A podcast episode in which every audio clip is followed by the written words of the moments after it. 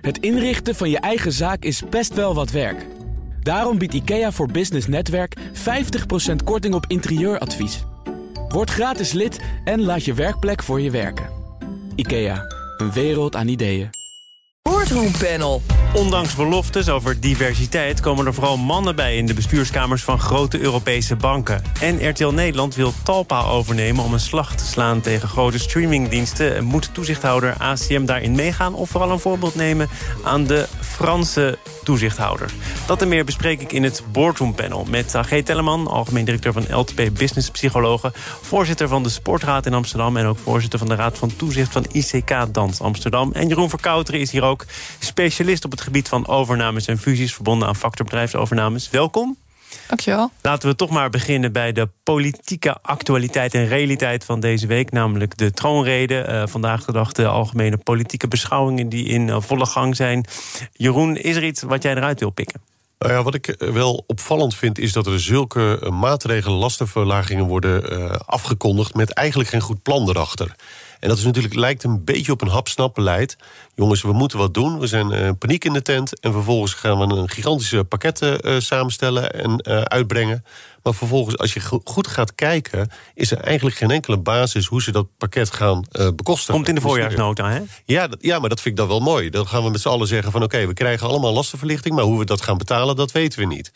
Dus ja, dat vind ik nou, wel... Het, het, het, het, is, het is zeker curieus. Het is ook wel heel duidelijk dat sommige plannen... pas op het allerlaatste moment zijn uitgewerkt... en nog niet helemaal zijn uitgewerkt. Maar dat is natuurlijk ook omdat er geluisterd is naar kritiek... naar plannen van de oppositie, naar geluiden uit de samenleving.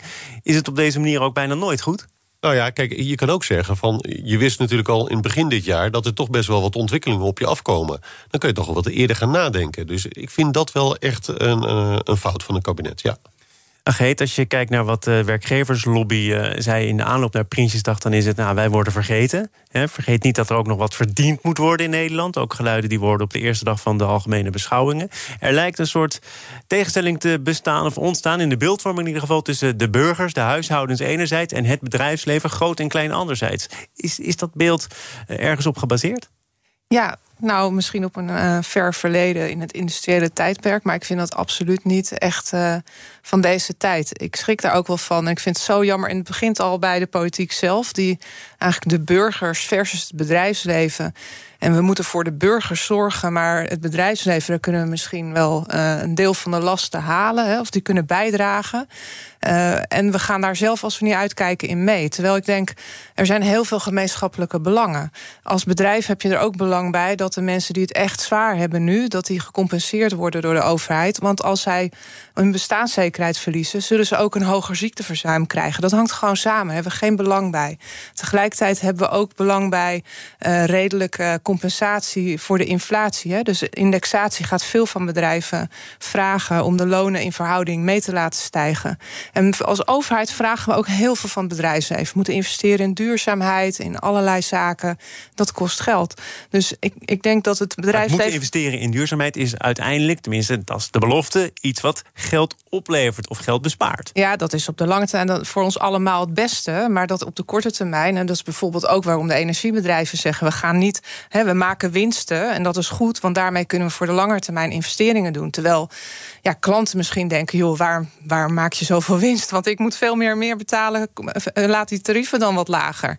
Dus we zitten met z'n allen hierin. En ik denk dat dat heel belangrijk is nu. Dat we laten zien hoe we ook vanuit een gezamenlijk, ja, ik zou het woord, ik vind dat zo'n rot verhaal, het verhaal. Maar ik mis dat wel. En ik denk ook als werknemer zul je denk ik een andere vraag hebben aan je werkgever. Als je ziet dat jouw werkgever de nauwernood overeind blijft. Bijvoorbeeld als je in een bakkerij werkt. Dan wanneer jij bij een grootverdiener die misschien. Er zijn ook bedrijven die op dit moment garen spinnen bij de crisis. een interessant stuk in het FD een paar dagen geleden. Dat een werknemer de werkgever niet per se als boeman moet zien. Als iemand eh, die eh, heel veel geld verdient. En uh, daar alles op alles stelt om zo min mogelijk geld aan zijn werknemer kwijt te zijn. Nou, het is ook onze werkgelegenheid. Dus ik vind ook dat de politiek daarvoor op moet gaan. En dat we het bedrijfsleven niet moeten zien als uh, partijen die alleen maar uit zijn op winst voor het eigen hachje. Maar, maar Jeroen zegt hier terecht: voor al die plannen die gepresenteerd zijn, moet wel dekking gevonden worden. Daar ontbreekt het aan. Er zijn bedrijven die relatief veel winst maken, blijkt ook uit de ramingen van het CPB. Lonen blijven achter. Is het dan niet gek dat er ook wordt gekeken naar wat er nog gehaald, om het populistisch uit te drukken, kan worden bij het bedrijfsleven? Nou, ik denk dat er een deel van het bedrijfsleven daar, daar die hebben al een hele grote prijs betaald tijdens de coronacrisis. Die krijgen we nu, nu nog een keer. Het maakt me echt boos als we doen alsof daar het eh, over de uh, planken, uh, hoe zeg je dat? Hoe zou jij, hoe, maar hoe zou jij het dan dekken? Nou, ik denk dat dat laat ik het vooropstellen, dat is natuurlijk ook een hele moeilijke vraag. Maar er zijn ook bedrijven die er nu heel veel garen bij uh, spinnen. En daar kunnen we het misschien beter halen. Dus je moet niet al het bedrijfsleven over één kam scheren. En tegelijkertijd zou dat nu denk ik niet de eerste vraag moeten zijn. We zitten namelijk in een crisis. Er zakken echt zowel mensen als uh, met hun privéhuishouden als bedrijven door het ijs. En als we dan met elkaar gaan bakkeleien, dan laten we die mensen echt zitten. En daar heeft niemand belang bij. We zien gewoon de druk komt van buiten er is een oorlog, er is een coronavirus. En we zijn met elkaar aan het strijden, steeds meer. En we imploderen gewoon als samenleving. Ik maak me daar erg zorgen over. Laatste woorden hierover van Jeroen, als je wil reageren althans. Nou, ja, nee, ik ben het hier wel mee eens in die zin dat uh, de coronacrisis... heeft natuurlijk wel voor gezorgd, wat heeft de overheid toegedaan? Gewoon heel veel geld in die economie gepompt. Dus gewoon geld bijdrukken, om het maar simpel te zeggen.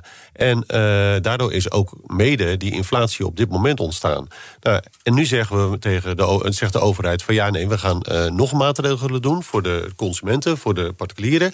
En vervolgens gaan we dat dan weer halen bij de bedrijfsleven.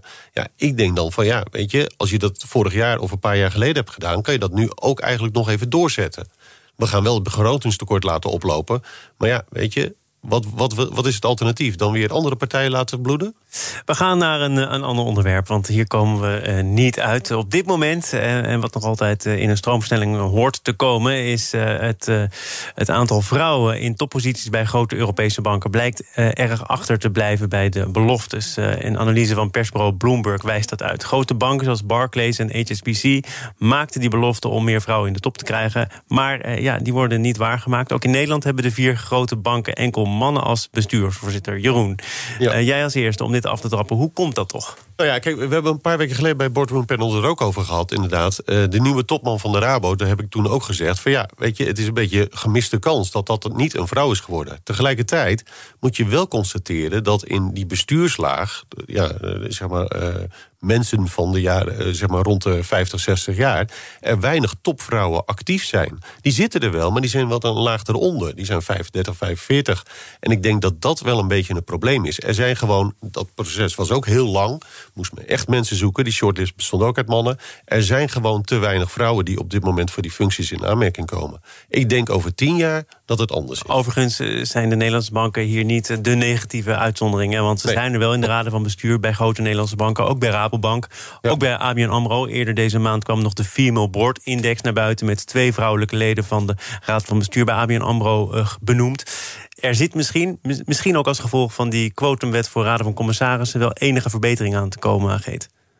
Ja, nou, laat ik eerst zeggen, als we zeggen ze zijn er niet, dan is maar net hoe kijk je. En als we gaan kijken, hebben ze dezelfde opleiding gevolgd zoals wij dat die nu in de boardroom zitten, dat hè, de, de heren dat het al die jaren hebben gedaan, hebben ze dezelfde netwerk, hebben ze dezelfde ervaring, hebben dezelfde opleidingsloopbaanpaden uh, gedaan, ja, dan is het smaldeel misschien heel beperkt. Maar als je gaat kijken, uh, goh, zouden we nu eens vanuit radicale nieuwsgierigheid uh, op, oprecht op zoek zijn naar andere ervaringen en profielen in de boardroom. Dan kom je misschien wel tot andere keuzes. En dan is de, de vijver waaruit je kan zoeken misschien wel veel groter. En ik denk dat daar het grote probleem zit. En een quotum kan dan helpen. Ik ben nog steeds, ik heb daar met vriendinnen altijd felle discussie over. Ik ben er zelf nog steeds geen voorstander van maar eh, ja, misschien is het nodig als paardenmiddel. Maar dan... Eerst zijn er dit jaar meer vrouwelijke commissarissen ja. benoemd dan mannen. Ja. Eh, dat is misschien een succes en voor een belangrijk deel toe te schrijven aan dat quotum. Ja, maar de vraag is, gaat dit nou... Want ik denk dat als je boardroom diverser wordt... dat dat iets vraagt van iedereen. Het is niet, je, je, je haalt er de vrouwen bij, of mensen met een ander profiel. Want je, volgens mij moet je dat veel breder zien dan alleen vrouwen. Maar het vraagt iets, samenwerken met, tussen mensen met een andere achtergrond, vraagt iets van iedereen. Dus daarom is het ook, het is geen HR-vraagstuk, het is echt een strategisch vraagstuk. Het slaat ook terug op de mensen die nu in maar de willen mensen zitten. Dat, je hebt het over oprechte nieuwsgierigheid. Ik las een groot stuk in de krant, uh, denk ik een week geleden, waarin een bedrijfsadviseur zegt: de board roept vaak hard om diversiteit en inclusiviteit. Dan dragen we een kandidaat kandidaat aan die dat brengt. En na een jaar blijkt dan dat van haar rebelse blik niks over is. Omdat ze niet serieus wordt genomen. Want de rest van de board werkt nog volgens het oude systeem. Ja, precies. Eén iemand kan dat nooit veranderen. Dus daarom is het ook belangrijk dat de board zelf oprecht open staat voor verandering. En andere inzichten, andere ervaring. Anders gaat dit nooit lukken.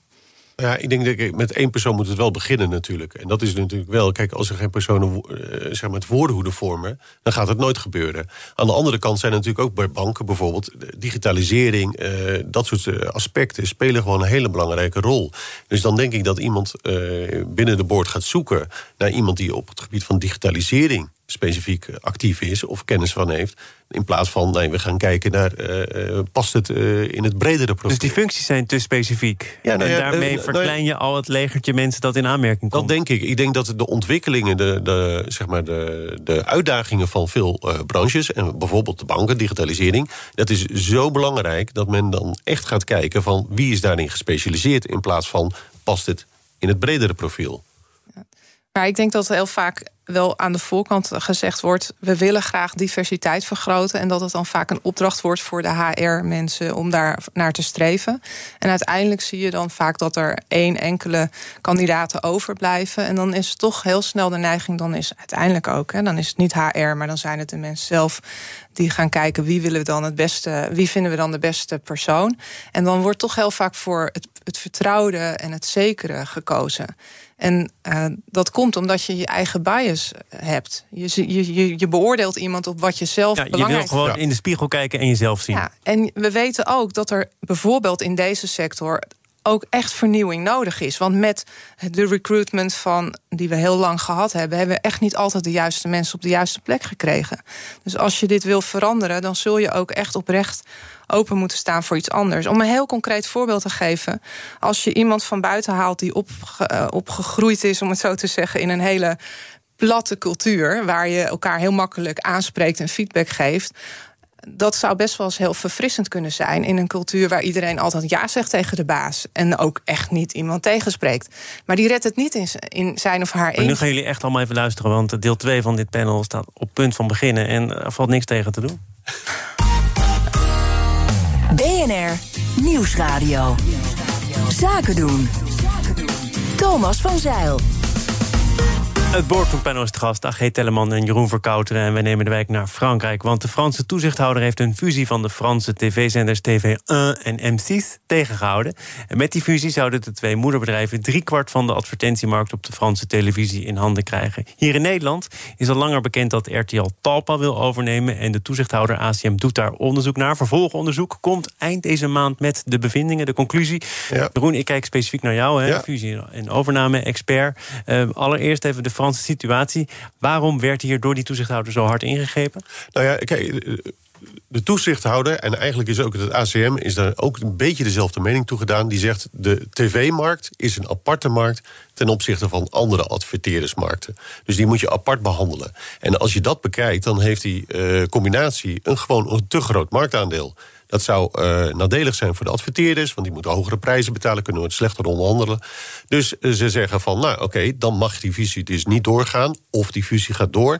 Maar dan moet je zulke consequenties aan verbinden en eisen aan, uh, aan verbinden. Dat betekent dus dat het minder interessant wordt voor de partijen om die fusie aan te gaan. Nou. De vraag is, en dat hebben die uh, twee Franse tv-zenders ook gezegd... en dat zegt Talpa RTL ook, zegt nee, onze tv-markt is niet de homogene markt voor adverteerders. Het is veel breder. Je moet online platforms, je moet mediaplatforms, je moet alles erbij betrekken. Van Facebook tot en met YouTube, et cetera. Daar kunnen adverteerders ook naartoe gaan. En dat is de discussie die nu aan het ontstaan is tussen de toezichthouder en uh, de bedrijven. Dit is één op één te kopiëren eigenlijk naar die Nederlandse situatie. Hier spelen exact ja. dezelfde bezwaren. De ACM heeft, ja. zoals gezegd, al wel gesteld... er moet vervolgonderzoek komen, omdat zij vrezen dat de kwaliteit, innovatie en investeringen in televisieproducties op het spel staan. Ja. Daarmee is dat toch een soort voorsorteren op een nee, op een streep door de rekening van deze fusieplannen? Nou ja, een harde nee gaat het niet worden. Want in Frankrijk hebben ze ook geen harde nee uitgesproken. Wat ze gedaan hebben, de, de toezichthouder heeft gezegd: nee, we gaan bepaalde eisen stellen. Jullie zullen bijvoorbeeld tv-zenders moeten verkopen of radiozenders. En dan kan die fusie wel doorgaan. Maar John de Mol kan ook afscheid nemen van een Klopt. radiozender ja, of een nee, dat erom. RTL kan gewoon RTL 4 verkopen, bij wijze van spreken. En dan gaat die fusie wel door. Maar de vraag is, willen RTL en Talpa dat? Maar de vraag die hier nog weer boven hangt, Ageet, is dus de vraag: moet je de televisiemarkt zien als een losstaande markt? Of is het het onderdeel van alle mogelijke kanalen die adverteerders ook nog voor het uitkiezen hebben om daar hun boodschap te brengen? En die adverteerders hebben in Nederland al wel gezegd: televisie blijft een unieke, aparte manier om kijkers, het publiek te bereiken. Eh, deel jij die opvatting? Ja, ik denk, vorige keer hebben we het hier ook over gehad, heb ik dat volgens mij ook gezegd. Uh, maar ik, ik denk wel, en ik verwacht eigenlijk als ik heel eerlijk ben, dat de ACM in Nederland een vergelijkbare keuze gaat maken. Ik vind het wel een spannende vraag. En ik kan me ook wel voorstellen, dat is, is naar de toekomst toe misschien ook echt wel de vraag: moet je die markt niet anders gaan definiëren? Maar als je nu kijkt, en het, gaat, het geldt trouwens in Nederland ook voor radiozenders, hè, want dat gaat in het kielzog van deze beslissing gaat het niet alleen over tv, maar ook over radio. Maar ik denk wel dat als je een aandeel krijgt van 70 procent als deze fusie door zou gaan, dat dat echt heel veel gaat betekenen in de huidige tijd. En dat is voor een deel wel waar de toezichthouder op moet gaan letten. Of de komende jaren uh, ja, de, concurrentie. Uh, ja, door deze fusie eigenlijk niet meer voldoende mogelijk is, waardoor ze te veel uh, zelf macht krijgen in de markt. En ja, ik denk dat als, als je nu kijkt dat dat nog steeds een tv-markt op zichzelf is, dat dat zo speelt. Maar daarnaast is er wel een vraag. Ja, je wil, we, we, hebben het ook heel vaak over het groeien van de grote techbedrijven, de Googles van deze wereld. John de Mol zegt volgens mij al jaren: mijn concurrent is niet zozeer uh, het aanpalende mediabedrijf dat toevallig televisie of radio maakt. Ik neem het op tegen Google. Ja, ik denk dat hij, dat ook, hij neemt daar positie in. En dat is ook in lijn met deze strategie om naar een fusie te willen. Maar misschien is het ook wel ja, we gaan voor een fusie en we, we calculeren in dat dit misschien niet één op één uh, erdoor komt. Maar als er dan vervolgens vragen bij komen van, nou, we, hebben, we stellen er voorwaarden aan. Wellicht wordt er dan ook weer, moet je iets afstoten, een aantal zenders en komt DPG er dan weer bij, hè? want die zitten ook op het vinkentouw. Dus ergens gaat dit sowieso die markt weer in beweging brengen de, de komende jaren, Jeroen, denk toch, ik. Toch nog even naar het uitgangspunt van ja. wellicht de ACM en van wat Ageet zegt. De toekomst doet het toe, maar je moet ook kijken naar hoe de markt op dit moment gedefinieerd kan worden. En als je daar strikt naar kijkt, dan, dan is er iets te zeggen voor het uh, tegenhouden van deze fusie. Want die televisiemarkt is op dit moment nog een heel dominante markt. Uh, ben je het daarmee eens? Daar ben ik het niet mee eens. Nee, nee kijk, ik vind, ik vind ook. Uh, kijk, een paar jaar geleden had je dat misschien nog wel kunnen zeggen. Een jaar of tien geleden. Ik denk op dit moment is het gewoon zo. Een multimedia-markt is het. En dat zijn verschillende uit. blijven hangen, begrijp ik. Ja, nou ja dat, dat, dat, zeg ik niet gelijk. Maar ik, ik kan me voorstellen dat je zegt de tv. Maar, maar kijk, BNR bijvoorbeeld, een radiozender. Jullie doen ook heel veel podcasts. Nou, dat is een manier van uh, uitingen... wat de afgelopen jaren een hele grote vlucht heeft genomen. Nou, ga je die podcast er ook bij betrekken... Luister dan is... je veel, ja? Hm? Luister je veel? Ja, ik luister veel, ja. Nee, ja daarom uh, is heel goed ook. Nee, daarom. Uh, maar dat is wel een manier, een nieuwe manier van uh, expressie... en een nieuwe adverteerdersmarkt. En dat alles bij elkaar maar zorgt ervoor... voor. Nee, maar goed, is een van de belangrijkste argumenten is dat ze zeggen... de fusie is zodanig groot dat de klanten, de adverteerders geen keuzes Maar ook KPN en Ziggo komen in een, moeilijker gesprek... Klopt. met zo'n grote ja. combinatie. Die producenten inderdaad. Programmamakers, precies. Ja, maar kijk, dus, kijk, het net... meer dan alleen maar... Klopt, nee, maar dat is absoluut zo. Maar ik bedoel meer te zeggen van... die markt wordt heel uh, zeg maar, uh, klein gedefinieerd, vind ik zelf. Ik vind dat je inmiddels al veel verder bent. En inderdaad, Google, Netflix... dat zijn partijen die ook op die markt opereren. En vervolgens kan je wel zeggen van... ja, dat is misschien op dit moment nog niet de belangrijkste concurrent... Maar over twee, drie jaar, ik geef je het op een briefje... zijn zij de belangrijkste concurrenten. Laat ik, laat ik je toch nog even iets voor de voeten werpen... van de directeur van de Bond van Adverteerders. Ja. Verklaard tegenstander van die fusie. Die zegt uh, in het FD Dat snap ik ook, hè? Ja, snap ik. Ja. Maar zij zegt ook... het is uh, ook in ons belang dat het Nederlandse medialandschap sterk is. Consolidatie is nodig, maar met behoud van marktwerking. Hoe zou jij dat invullen? Ja, nou, dat en is, consolideren dat, dat is, en marktwerk. Ja, dat is een hele mooie. Dus je wil wel consolideren, maar tegelijkertijd wil je wel allemaal verschillende partijen overhouden. Nou, dan kan je dus inderdaad met DPG gaan praten. Want dat is een andere partij die in een iets andere markt zit. Kan je zeggen van dat, dat, dat kan je dan doen. Of je moet zeggen van ja, weet je, consolidatie. We gaan met uh, buitenlandse partijen dan om, om, om tafel zitten. Maar feitelijk is het gewoon zo dat als je RTL en Talpa bij elkaar zet, dat dat een dominante partij is in Nederland. Maar ga je dan weer op Europese schaal kijken, is het weer anders. Heel kort, Ageet, echt tot slot. Nou, er hangt nog heel veel af van de marktwerking op Nederlandse schaal. En ik vind het, het zijn misschien traditionele media, maar ik vind geen traditionele strategie als je die markt ook nog als een markt op zichzelf ziet. Ja, ik denk dat overheidscommunicatie gaat ook via tv voor een heel groot deel. Hè. Ik denk dat we in alle opzichten belang bij hebben dat daar wel enige concurrentie blijft. Beyond Meat is, uh, om het maar zo uit te drukken, aan jullie neus voorbij gegaan. Het is Ja. voorbij gevlogen. Aan onze neus. Met de Ah, nadruk op ja, neus, ja, Thomas. Precies. AG Telleman van eh, LTP Business Psychologen. En voorzitter van de Sportraad Amsterdam. Voorzitter van de Raad van Toezicht van ICK Dans Amsterdam. En Jeroen Verkouter liet weer eens horen dat hij specialist is op het gebied van overnames en fusies van factorbedrijfsovernames. Dank voor jullie bijdrage aan dit panel. Heel graag gedaan. Zometeen gaat het over eh, gebakken donuts van banaan in BNR Zaken doen. Als ondernemer hoef je niet te besparen op je werkplek. Want IKEA voor Business Netwerk biedt korting op verschillende IKEA-producten. Word gratis lid en laat je werkplek voor je werken. IKEA, een wereld aan ideeën.